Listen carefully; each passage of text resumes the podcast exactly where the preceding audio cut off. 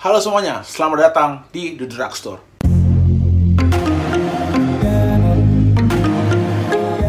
Di episode kali ini kita akan membicarakan sebuah hal yang uh, rame beberapa hari lalu, yakni tentang semacam beef antara Gofar Hilman dan beberapa akun Instagram yang mempromosikan legalnya ganja. Singkat cerita, di videonya Gofar Hilman itu, dia ngobrol sama Elo.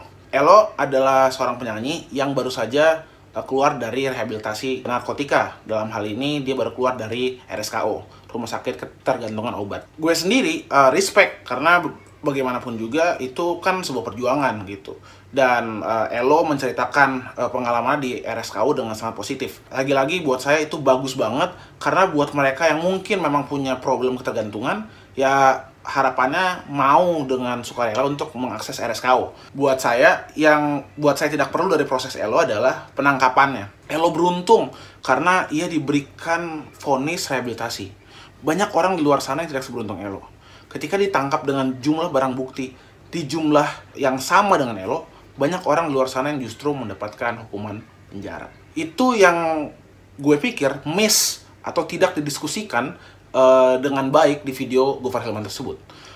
Tapi lagi-lagi wajar saja karena kedua orang tersebut memang bukan orang yang secara daily basis uh, sehari-hari begitu memang bekerja di bidang narkotika. Jadi ya saya nggak menghakimi mereka. Nah, tapi setelah itu Gofar Hilman di video yang sama juga cerita tentang bahwa dia nggak terlalu percaya dengan narasi uh, melegalkan ganja. Ada beberapa poin yang dia naikin di keberatannya tersebut. Yang pertama adalah dia nggak percaya bahwa masyarakat Indonesia cukup dewasa untuk menyikapi ganja legal. Satu. Yang kedua, dia juga mengasumsikan bahwa kalau misalnya ganja legal, anak-anak justru pada beli ganja. Oke. Kita akan bahas dua poin itu. Yang pertama, tentang masyarakat kita belum dewasa. Gue agak sepakat. Kenapa? Karena kita aja nih sebagai sebuah bangsa berdaulat, kita masih gagal meregulasi rokok. Gimana kelihatannya? Kita bisa lihat dari bahwa sekarang masih banyak rokok yang dijual sebatang-sebatang, rokok yang dijual secara ketengan, yang kita beli 2000, 1500, 1000 per batang dan itu bisa dibeli oleh anak-anak. Ibaratnya misalnya gua om-om yang tidak bertanggung jawab, gua ngasih 2000 ke ponakan gue, terus gue suruh dia, "Eh, bro, beliin gua rokok dong." Terus ponakan gue jalan dan balik lagi kasih gua rokok. Kita masih gagal dalam distribusi rokok.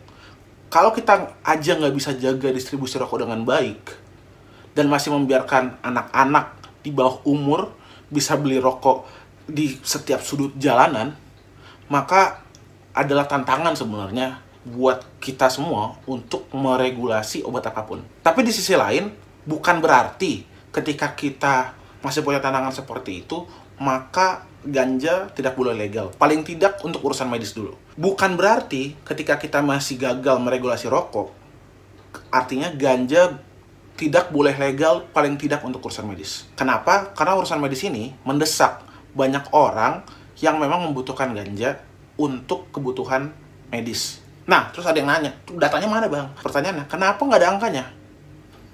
Jawabannya adalah karena undang-undangnya bermasalah. Bermasalah gimana sih? Masalahnya gini, narkotika golongan satu itu nggak boleh buat medis. Tidak boleh sama sekali. Dan ganja sayangnya ada di golongan satu undang-undang narkotika. Itu yang kemudian mestinya diubah maksudnya ganja ada di golongan 2, golongan 3 atau bahkan golongan satunya itu definisinya diubah. Nggak perlu tuh ada larangan tentang pemanfaatan golongan satu untuk urusan medis. Sebaiknya di ya udah semua orang boleh akses aja. Lagian konstitusi juga udah mengakui bahwa kesehatan itu adalah hak. Undang-Undang Dasar 45 nih udah memasukkan layanan kesehatan sebagai bagian dari hak konstitusional kita. Jadi sebaiknya memang e, pemerintah berpikir ulang menempatkan ganja di golongan satu narkotika. Atau ya tadi itu ya udah golongan satu dibuka aja untuk akses medis. Argumen Gofar yang kedua adalah anak-anak bisa beli ganja. Oleh karena itu, ganja tidak sebaiknya legal. Ini justru kesalahan. Maksud gue bahwa salah adalah salah memahami fungsinya sebuah zat diregulasi. Justru karena ganja ilegal, maka distribusinya tidak terlihat. Distribusinya kita nggak bisa lihat dia ada di mana. Kalau ganja legal, maka kita bisa lihat sebenarnya zat ini, tanaman ini jatuhnya ke tangan siapa sih? Itu kan yang kita kritik dari rokok. Rokok ini legal, maka semestinya distribusinya juga kita bisa atur ke mana. Nah, rokok aja yang udah legal nih, yang kita bisa lihat di mana pun, yang kita bisa saksikan, kita bisa awasi, itu aja mesti jatuh ke tangan anak-anak. Apalagi, bayangkan kalau rokok ilegal. Artinya distribusinya tidak dalam pengawasan pemerintah sama sekali. Bayangkan betapa banyak anak-anak yang justru akan mengakses rokok dari tangan-tangan yang tidak bertanggung jawab. Bahkan orang-orang warungnya itu bisa dengan uh, bisa dengan secara sengaja memang menargetkan anak-anak sebagai target marketnya. Itu yang terjadi sama narkotika hari ini, termasuk juga ganja. Ketika zatnya tidak legal, maka sulit untuk mengawasi peredaran zat tersebut. Itulah kenapa beberapa negara seperti Kanada justru menggunakan argumen perlindungan anak sebagai alasan kenapa ganja mesti legal. Karena ketika si ganja dijual, si orang yang beli harus nunjukin ID dan segala macam. Nah, Indonesia semestinya mengarah ke sana. Tapi kita coba dulu dari urusan rokok. Bagi, gimana Indonesia dewasa dalam urusan rokok? Mampu nggak Indonesia ngeregulasi distribusi rokok dengan rapi, dengan baik? Pastikan orang yang beli rokok di Alfamart, Alfamidi, supermarket paling nggak, Indomaret, pastikan mereka menunjukkan ID kalau itu udah bisa, baru deh kita maju pelan-pelan ke zat lain. Saat ini memang banyak tantangan, tapi bukan berarti tidak boleh ya. Kita justru harus terus melangkah menuju ke sana. Berikutnya, bukan soal Gofar Hilman, bukan soal Elo, tapi soal kita, orang yang mau mengadvokasi kebijakan narkotika. Tentu saja, kalau kita emang concern sama sebuah isu, kita mungkin cenderung lebih emosional, lebih bersemangat ketika mendiskusikan tentang hal yang kita cintai. Nah, itu juga terjadi sama gue. Gue kerja di kebijakan narkotika udah enam tahun sekarang. Dan gue jadi suka sama dunia ini, suka banget. Nah, tapi bukan berarti kalau ada orang yang keliru nih, apalagi yang keliru bukan pemerintah ya, yang keliru ini sipil, warga negara biasa seperti kita juga. Cuman ya dia lebih terkenal, udah itu aja. Tapi dia sipil gitu. Dia nggak jahat dia mungkin kurang tahu aja atau mungkin dia tahu tapi yang nggak sepakat sama kita maksud gue sama yang kayak gitu-gitu gue usah marah. Kenapa? Karena nanti kita kehilangan pendukung. Orang justru nggak simpatik.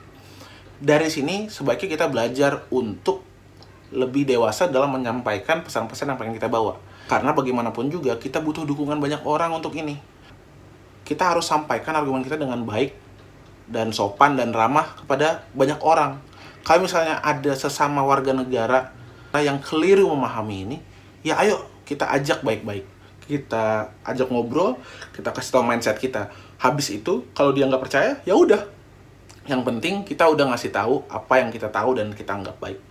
Kalau kita terlalu galak, gue takutnya banyak orang nggak simpatik, banyak orang yang justru menjauh dari gerakan dan dianggap ini isinya orang-orang fanatik tanpa mereka mau melihat apa maksud baik dari kegusaran-kegusaran kita ini. Itu aja untuk hari ini. Terima kasih banyak sudah mau menonton. Kalau suka sama videonya, tolong like videonya, tolong subscribe ke channelnya, uh, dan semoga uh, kebijakan narkotika Indonesia cepat berubah. Karena bagaimanapun juga penjara bukan solusi.